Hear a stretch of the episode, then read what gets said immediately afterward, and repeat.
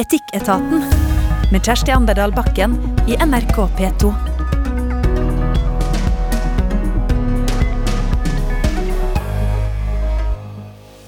Nå skal du få andre del av Etikketaten da vi hadde besøk av stortingsrepresentant for Miljøpartiet De Grønne, Lan Marie Berg, som òg er katolikk, Vebjørn Selbekk, redaktør i Dagen, protestant, og Liv Gulbrandsen, som fortalte sist at hun ikke har et eneste religiøst bein i kroppen. Og dilemmaet de skal bli utfordra på, handler om sikkerhet versus frihet i barneoppdragelsen. Hvordan skal mor og far klare å finne den balansen der? Men eh, først, før vi går inn i dilemmaet, så skal vi bli mer kjent med deg ved å gi deg et eh, spørsmål fra vår eh, hellige gral. Og denne vakre gralen med alle lappene oppi går til Liv.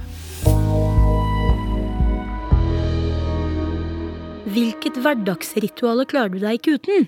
Å, oh, jeg, jeg, har flere. Men jeg vil si frokost. Jeg er sånn skikkelig frokostmenneske. Jeg våkner med et snerr klokka seks hver morgen, og og da er jeg på mitt beste. Og det varer omtrent tolv, og så går det nedover derfra. Men jeg er sånn Jeg, jeg er lykkelig, og jeg syns alle mennesker er pene om morgenen. Da kan jeg gå gjennom byen og bare si sånn inni meg da sånn Se på deg, ja. Åh, du er så søt. Da er verden fin. Mm. Men eh, så det å spise frokost, jeg syns det er det beste måltidet. Da syns jeg all mat smaker godt. Og så har jeg jo eh, høner på tomta mi på Tveita, så hender jeg går og henter meg et lite egg. Ikke sant? Særlig. Har du høner? Og så, ja, høner. Jeg har et lite småbrøk mellom blokkene der, kan man si. Nei, men eh, Nei, jeg passer jo på Jeg er litt opptatt av dyrevelferd, da, vet du. Jeg har hønene det bra, da? De har det så bra. Bortsett fra Nei, egentlig ikke så bra i det siste, fordi det er en tam rev. Jeg, har, ja, ja. jeg bor jo også der oppe, og ja. vi har en rev som går gjennom hagen. Altså, nå, Hønene de har nå fått et stort uh, hønsehus med tema eh, meksikansk landsby, fordi eh, Jeg har lyst til å se dette hønsehuset. Du må bare komme. Ja. Men da er det Og, og de, altså, det er dverghøns, de hakker hverandre ikke. Men de ropte i dag når jeg skulle gå på jobb, så ropte de sure ting til meg. Viste fingeren var frekke fordi de vil ut og leke med reven. Og jeg sier til dem dere får ikke lov. Jeg har snakka med kommunen om det. Hva skal jeg gjøre? Kan vi fange reven og fengsle den, sende den til Finnskogen? Men de sier nei. Jeg må sperre inn hønene, så det har jeg nå gjort. Men det er de, akkurat det syns de er en uting. De er mm. vant til å gå over til naboen, få noe godt der, gjennom hekken til andre naboen, ikke sant? Snakke med barna der. Ja, Virkelig frittgående høns. Ja, men dette ja. handla om frokost, så det gjør jeg. Ja. Jeg tror alle har lyst på den frokosten der. Det høres ja, ja. helt utrolig nydelig Altså resten kan bare Der kan det være Der kan det spise gråpapir og småstein sånn resten av dagen. Det vil ikke si at jeg er sånn generelt flink på kostholdsfronten, men frokost, det, den er på plass, ja. Ja, ja. Kickstart på dagen. Mm. Eh, Vebjørn, har du noe ritual i hverdagen? Ja, i og med at vi snakka litt om religion og sånn her i starten, da, så, så, har jo jeg et sånt, eh, hva skal jeg si, religiøst uh, hverdagsrituale, da.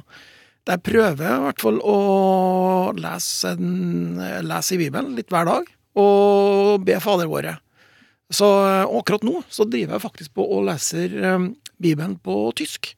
Og det er en sånn derre eh, dobbel belønning, da. Fordi at eh, for det første så får du jo litt sånn eh, det oppbyggelige, da, for oss som tror på, på det. ikke sant? Men i tillegg så får du jobba og lært litt språk. For det er et språk som jeg bare kan litt sånn halvveis.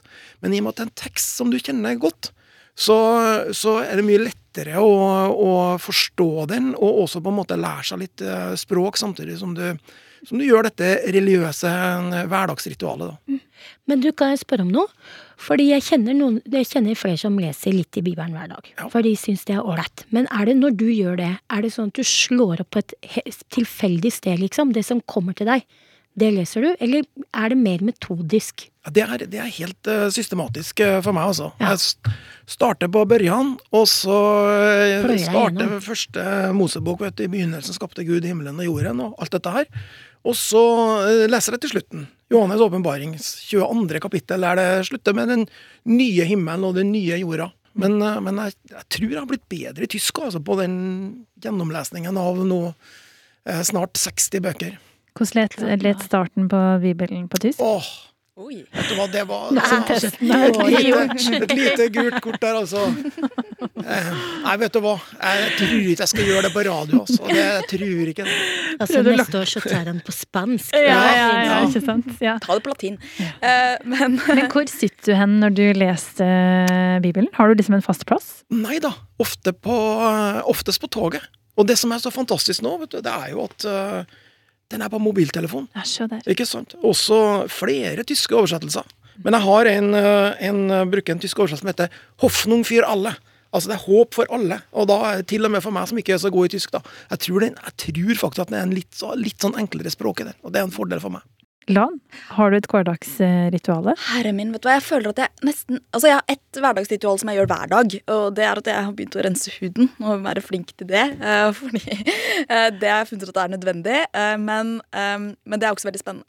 Og ellers så pleide jeg å være god til å spise frokost, men det bare blir nedprioritert. Så i dag har jeg faktisk ikke spist frokost ennå. Eh, Men du funker for det? ja, Ja. det gjør jeg. Eh, Virker sånn, i hvert fall. Det Ja. er ikke Ja, bra, det er imponerende. Men hvis det går til sånn fire, firetiden, da blir jeg blek, liksom. Ja. Så det, da bør jeg liksom Men hjelpes, det er jo lenge kjempelenge hvis du Ja. antakeligvis er oppe litt tidlig i jobben din. Ja. Ja. Eh, Men um, nei, så hverdagsritualet, det, det beste eh, i hverdagen min, det er Nå blir det veldig parodisk her, da, men det er at jeg får sykkelturen min til jobben. Fordi det er meditasjon. ikke sant? Du, du ser jo at når folk sykler, så har de på seg sånn sykkelglis. De blir veldig glade. og det er jo fordi at du får liksom Du føler at du flyr litt framover. Du får eh, tid for deg selv. Altså Syklister er jo litt som bilister. De liker den tiden de får på morgenen for seg sjøl. Um, hvis du er våga, så kan du ha en et eller annet på øret. Helst ikke musikk, men kanskje radioen. Um, for musikk kan være litt sånn Det er litt utfordrende for sikkerheten hvis det er veldig høyt. ikke sant? Uh, og så og så får du tenkt deg om. ikke sant? På morgenen så kan du tenke sånn Hva skal jeg gjøre i dag, og hva er det viktige jeg skal gjøre? Men på ettermiddagen så kan du tenke sånn Dette her var det som skjedde i dag. Hvordan skal jeg løse dette problemet? Um, så det er min sånn ja, sånn egentid på dagen. Skyndte du deg hjem da, eller kan du liksom ta det i litt sånn behagelig tempo? Jeg har barn i barnehagen, så det blir ofte sånn Å nei, nå er klokka fire! Jeg har en halvtime til den barnehagen stenger, og det tar 35 minutter hjem. så da er det litt sånn å peise på oppbakkene til Tveita. ja. Så den meditasjonen, den skjer ganske fort i den bakken der. Det, det skjer i hvert fall eh, med uh, høy aktivitet. Ja. Nå så skal det handle om å være uenig i barneoppdragelse, og her i Etikketaten i dag så har vi med oss tre som alle står i, eller har stått i, oppdragelse av egne barn, nemlig Vebjørn Selbekk, redaktør for avisa Dagen, skuespiller Liv Gulbrandsen og Lan Marie Berg fra Miljøpartiet De Grønne. Hilde, skriv på e-post til etikketaten krøllalfa nrk.no. Hei, etikkfolk. Hvor sommer så reiser vi på ferie med en familie som har barn på samme alder som våre unger. De boltrer seg på land og i sjø. Nå har de eldste begynt å dure rundt i motorbåt, også på vannski. So far, so good. Problemet som nesten ødelegger ferien min, er foreldra i vennefamilien syns reglene for sikkerhet til sjøs og på land er hysteriske. Filosofien er at ungene må lære å passe på seg sjøl, og at de mye bedre kjenner på grensene sine når de sykler uten hjelm og svømmer langt ut i fjorden uten flytevest. Med huet så skjønner jeg det, det er en slags gammeldags frihet i det her, men for meg så ligger det et teppe av uro over ferien vår. Vi har prata om det, men den andre familien er helt tydelig på at ungene deres skal få leve uten sikkerhetsnett.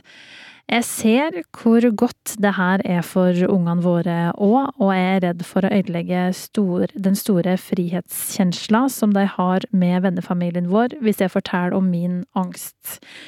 Kan jeg slå i bordet med lover og regler, det er tross alt påbudt med flytevest i båt og hjelm på sykkel, eller er det friheten til ungene som er verdt mer enn som så? Helsing ho med vannskrekk, som vi da kaller Hilde. Hva tenker du om den filosofien her? Du sitter og gliser så bredt, Vebjørn. Ja, jeg tenker det at eh, Hilde hun skal først være veldig glad for denne vennefamilien. Rett og slett. Jeg syns det her um, er litt sånn forfriskende å høre. da, At det fortsatt finnes uh, familier som er litt uh, sånn frihetssøkende overfor uh, ungene sine. Eh, jeg kan kjenne meg igjen i mye av den filosofien til den eh, vennefamilien, rett og slett. For jeg, jeg tenker litt sånn at pendelen har svingt litt for langt nå i dag. Eh, og vi polstrer barna våre. Og, og, og samtidig opplever vi kanskje at noe av det største problemet er jo skjermavhengighet. Og at man ikke søker ut i naturen og ikke får disse her skrubbsårene på knærne. Jeg sa det til barna mine da de var små. Og, og, hadde på en måte gått litt på snørra, og så sa jeg det til dem at alle tøffe jenter og gutter har skrubbsår på knærne på sommeren. Det er en del av det å vokse opp og bli et eh, gangs menneske, tenker jeg. Så er det klart det er grenser for det. det, det, det som ansvarlige foreldre så er det klart det, det er visse ting vi ikke utsetter ungene våre eh, for. Vi passer selvfølgelig på dem. Det er jo en del av det å være en ansvarlig voksen. Men jeg føler at vi har litt å gå på, og kanskje at uh, utviklingen har gått litt for langt, og at vi passer kanskje på barna for mye, og at det igjen skaper en type passivitet som kanskje på lang sikt kan være vel så farlig som å, å ramme ned fra, fra treet og skrubbe seg opp litt på, kne, på kneet. Mm. Lan, er du liksom Hilde, eller er du Vebjørn i det her uh, dilemmaet? Ja, nei, det er litt det vil jo, Tiden vil jo vise det litt. fordi at uh, nå er jo datteren min bare tre år. Um, og um, jeg har vel Jeg har ikke vært borti det dilemmaet før. Så nå prøver vi jo bare å innarbeide gode vaner. At vi går med hjelm når hun skal være med på sykkelen, f.eks. Uh, at uh, så har vi selvfølgelig flytt vest i båten, for nå var det faktisk MDG sin stemme som uh, gjorde at det der ble påbudt. Så da får vi bare holde fast på den. Det husker jeg. ja, og, um, uh, men jeg tenker jo òg at det med sikkerhet, det er jo også veldig fine, fine verdier, egentlig, da. Å lære barna våre. Eh, fordi at eh, man kan jo ikke styre hva de kommer til å gjøre når de er ute på egen hånd. Da, men at man kan forklare hvorfor, og at det kan være fint å ha flytevest i båten fordi det, hvis den velter og du eh, på en måte ikke har helt kontroll, så er det flytevesten som eventuelt kan redde deg hvis du slår hodet ditt eller et eller annet sånt. Kan, altså, man kan snakke om det og forsøke å normalisere det. For at problemet blir jo litt hvis det blir kult å ikke ha på sykkelhjelm, sånn som det var ofte for meg da jeg vokste opp da. Og ingen gjør det så er jo det veldig dumt for de som tryner på sykkelen. Fordi da har det faktisk veldig stor eh, påvirkning da, på om du får en stor eh, hodeskade eller en hodeskade, en hjernerystelse som du kan leve med. Da. Eh, så, så jeg tenker jo at man i hvert fall burde snakke godt med barna om det. da. Og så kan man jo ikke endre på hva den andre familien vil, men man kan jo snakke om hva man selv ønsker å gjøre som, som familie. Men ville du satt andre regler tror du, eh, enn vennefamilien? Går det an å si du er min datter, derfor skal du ha på deg sykkelhjelm, sjøl om deg ikke trenger? Jeg, har, eh, jeg jobber litt med meg sjøl fordi jeg er litt konfliktsky. Og eh, trenger å på en måte Så jeg merka at jeg noen ganger på en måte lar det gå litt sånn At jeg selv om jeg gjerne skulle tatt på datteren min en genser til, hvis da noen sier sånn Nei, hun trenger ikke det. Så blir det sånn Nei, kanskje ikke det.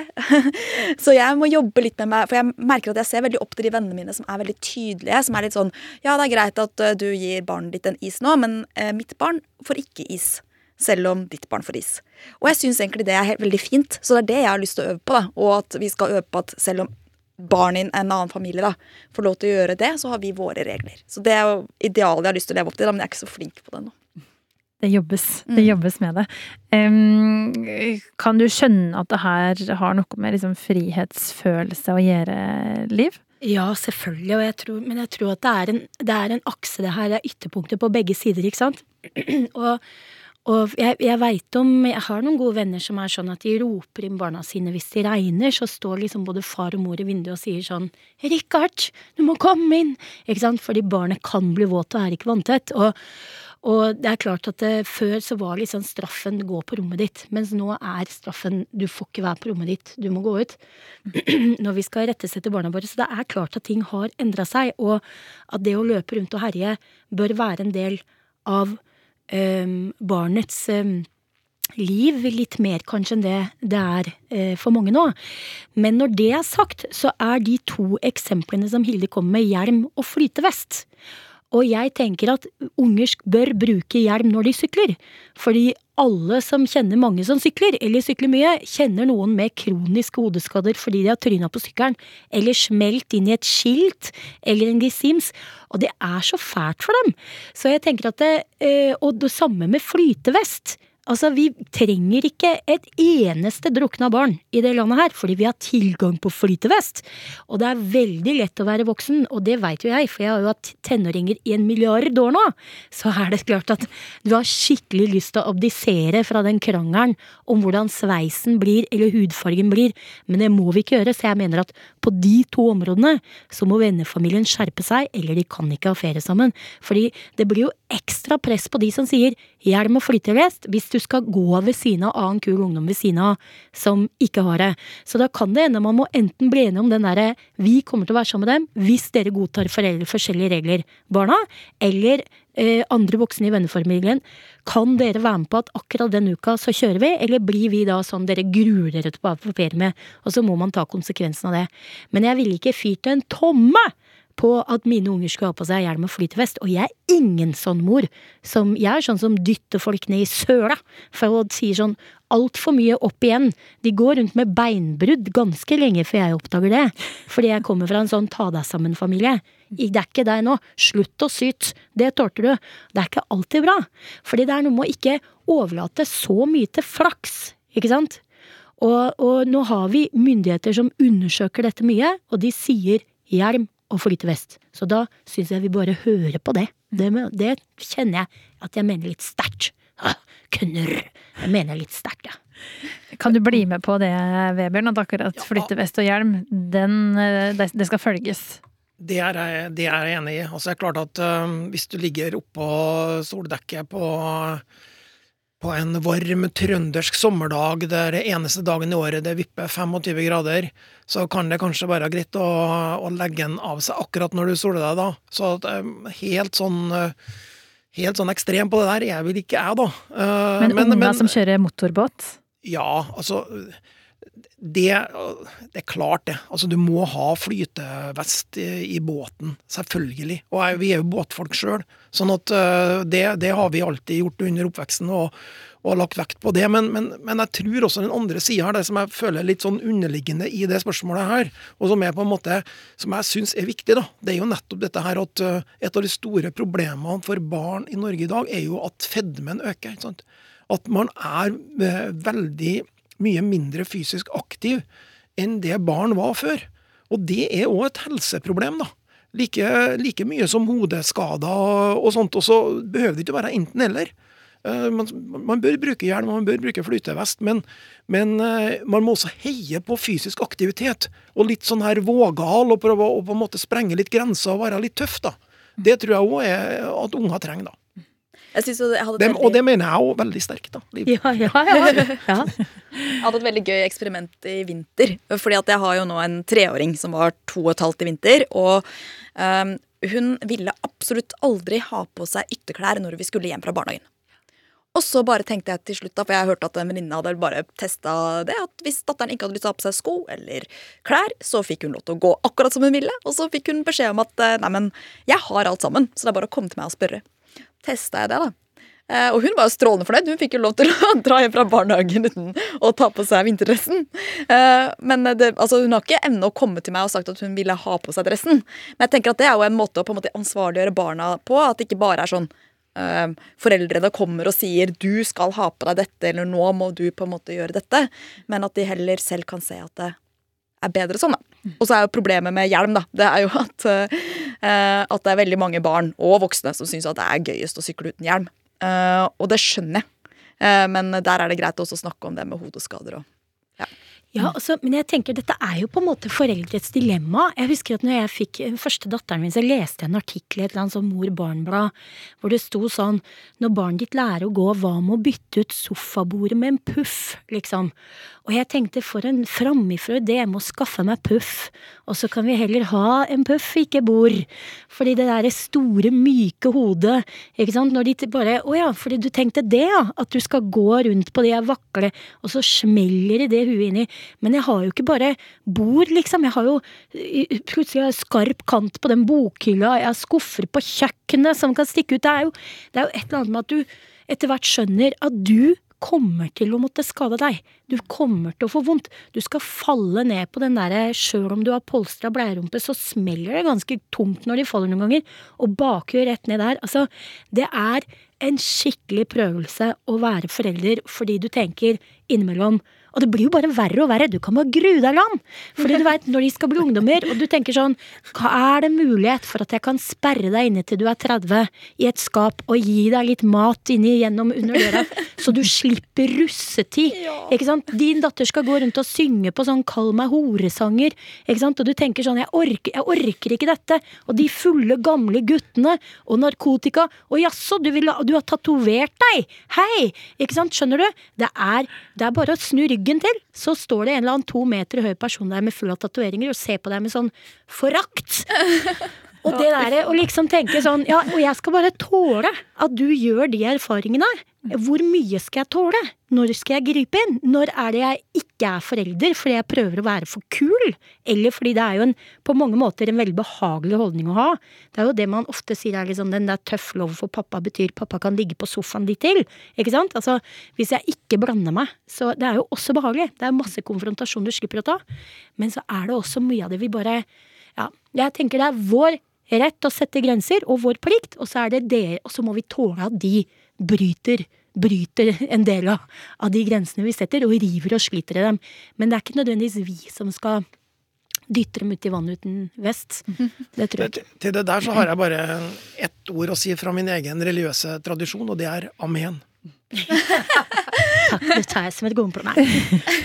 Men det er jo eh, lettere sagt enn gjort, eh, gjerne. Og Hilde sier at hun ligger her liksom på stranda med angst når hun ser at de svømmer lenger og lenger ut og ikke har på seg liksom badering eller flyttevest. Har du, du som har hatt liksom tenåringer en milliard år, som du sa, eh, har du liksom lært deg noen triks for hvordan du kan liksom Ok, det her skal jeg takle. Altså, jeg takler ikke det. Jeg syns at hun er helt rasjonell når hun har angst. At da må hun ikke ligge på stranda. Det er det som er problemet med den historien. Hun bør opp og gå på føttene sine og sende noen kraftige salver og ordrer ut om hvordan ting skal være. Og så kommer de til å protestere, og sånn er det. Men noen man må sette liksom ned Man må ha en holdning syns jeg. Og så vil jo ikke folk gjøre det du sier hele tida, men de veit hva du mener. Ikke sant? Og noen må mene det. Noen må mene det som ikke vennene deres kommer til å mene. Og det, du bør ikke mene det samme som vennene deres i sånne saker. Det mener jeg. Og, og kanskje Hilde kan være med ut og stå på vannski, da. Være en del av dette her, og kanskje hun opplever litt uh, større trygghet i det. Og da at det kanskje er ikke så innmari farlig å, å kjøre litt vannski og sånn, og da er jeg jo Da, da får jeg jo passa litt på samtidig òg. Mm.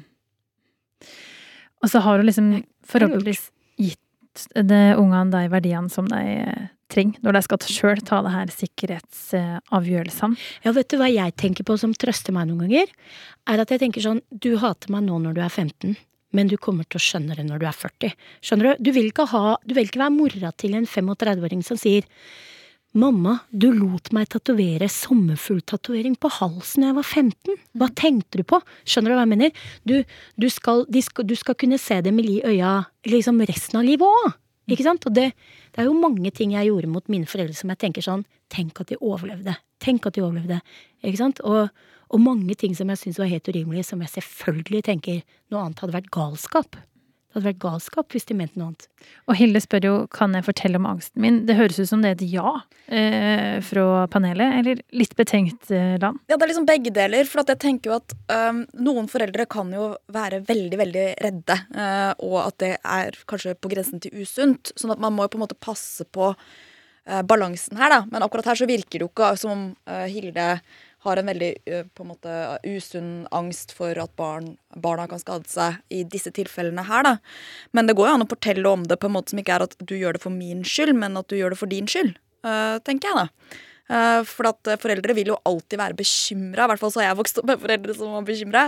Men, men, at hvis man, hvis man klarer å få fram hvorfor det er bra for dem, da, eller hvorfor det er en viktig verdi å ha med seg, så tror jeg det kanskje kan være uh, litt mer effektivt. Så er det veldig interessant for meg å høre om deres erfaringer, da, som har uh, eldre barn enn meg. Men jeg er jo, jeg vokste opp altså jeg ble, Første gang jeg dro ut, altså for å studere i utlandet, så dro jeg til Vietnam. Og da uh, var mamma veldig redd. Og hun tvang meg faktisk Jeg fikk ikke lov til å dra hvis jeg ikke hadde med en flytvest i kofferten. Nei. Det er så søtt. Det var, det var Hilde, det. Det var, det, var, det var kanskje det. Og det som skjedde, var jo at vi opplevde en sånn tyfon. Um, i, I den byen jeg bodde i. Og da satt vi, og det var masse regn og det var storm. Og det var liksom sånn um, du, du kjente vindkastene gå sånn i sirkel, sånn som det er en tornado, bare. Veldig mye større, da. ikke sant? Uh, og så gikk faktisk Det gikk faktisk eh, hull på taket, for det var så mye vann. Så der satt jeg da og fikk jeg melding fra mamma. Har du på deg flytevesten? så vi tok på den flytevesten for tull, da, og så aksjonerte vi den bort etterpå. Men det var Men eh, ja, sånn at det, det kan Jeg vil kanskje si at akkurat i det øyeblikket så bikka det kanskje bitte litt over.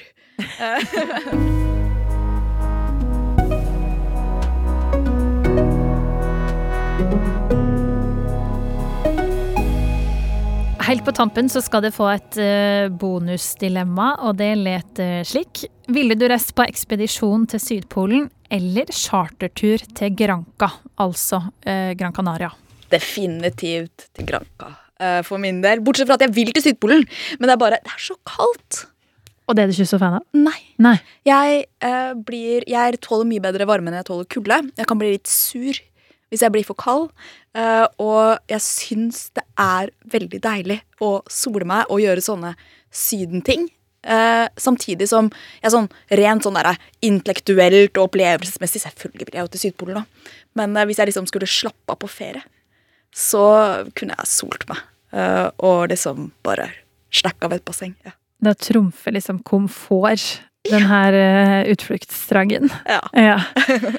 Hvordan, eh, hvordan er det med det, Vebjørn? Hvor, hvor vil du reise? Nei, altså Reise ne- Hva skal jeg si Tidligere billetter og sånt eh, taler jo sitt tydelige språk om hva som, eh, hva som eh, prioriteres eh, av eh, varme og kulde og sånt. Eh, Så eh, eh, vi elsker å reise kona. Vi samler jo på land. Sånn at eh, vi, eh, vi, eh, vi skal til land nummer 103 nå i sommer. Oi. Og det er ganske varmt. Det er Seychellene. Sånn at, men men, men når, når du nevner dette her med ekspedisjon til Sydpolen, så er det klart at det er Og vi, spesielt da, målt opp mot Gran Canaria, da. Så, så det, valget var ikke helt lett, altså. Fordi at det har jeg hatt lyst til å oppleve en gang i livet. Å kommet meg til, Sydpolen, altså. Og, og liksom kjent historiens vingeslag øh, av Roald Amundsen og Scott som øh, ble igjen der, og hele greia. Så det er noen ting med det. altså. Den, den, øh, den er ikke helt lett, den. altså. Jeg tror kanskje jeg ville holdt en knapp på, på Sydpolen, rett og slett. Pakka det godt inn og dratt til Sydpolen? Veldig, veldig godt inn og og dratt til Sydpolen, ja. Jeg kunne fått en eh, ny destinasjon på det er ikke noe eget land, vet du. Det er det som er Nei, problemet. Men et nytt kontinent, Ja. da, i det minste. Det er, det, det er enda bedre. Ja, ikke sant. Eh, hvor velger du, Liv? Du, jeg liker valgt Sydpolen, øh, men det er fordi jeg akkurat har lest en artikkel om at den turismen er skikkelig dårlig for øh, dyreliv og natur der. Så da tenkte jeg at det kan være en av de tinga som jeg ikke trenger å oppleve. Fordi, øh, fordi det er jo ganske mye man ikke skal oppleve. Fordi jo, man må gjøre noen prioriteringer her. For, for meg, da, som bare har dette livet her. Så har jeg dårligere tid enn dere to, ikke sant? Så jeg må gjøre, prioritere litt hardere. Men, men det andre er at eh, jeg hadde jo sånne foreldre som var sånn politiske folk, som betydde at vi dro på sånn familieferie til Auschwitz. Eh, la oss se, ta en, en undersøkelse av hvor var det Anne Frank bodde, osv. Så, videre. så for meg så er eh, Granca ekstremt eksotisk. Og jeg vil virkelig gjerne dra eh, til Granca. Jeg har vært her én gang. Og løp inn på alle steder som het Flaskparty! Eh, kjøttboller, por favor! Jeg roper sånn høyere enn andre og koser meg. Ikke sant? Grave sandkjøtt og si sånn Å, vannet er så varmt! Det er så varmt! Sånn vil jeg rope. Og si smiler til alle tyske turister og andre jeg ser, og har det helt nydelig. Så jeg velger det. Og så tenker jeg at jeg, får se på vakre sånne fotografier av Sydpolen og høre folk Jeg kan lese om folk som har vært der, og da er jeg nesten der. Ikke sant? Det, det får holde. Mens du svorsker og et Men Mens jeg kjøttbuller. så kjøttboller. Ja. Ja. Skumt party! Det, det gjør jeg. Nå så skal uh, Lan Marie Berg få reise tilbake til Stortinget. Liv Gudbrandsen, du helte på Nationaltheatret Ja. for tida.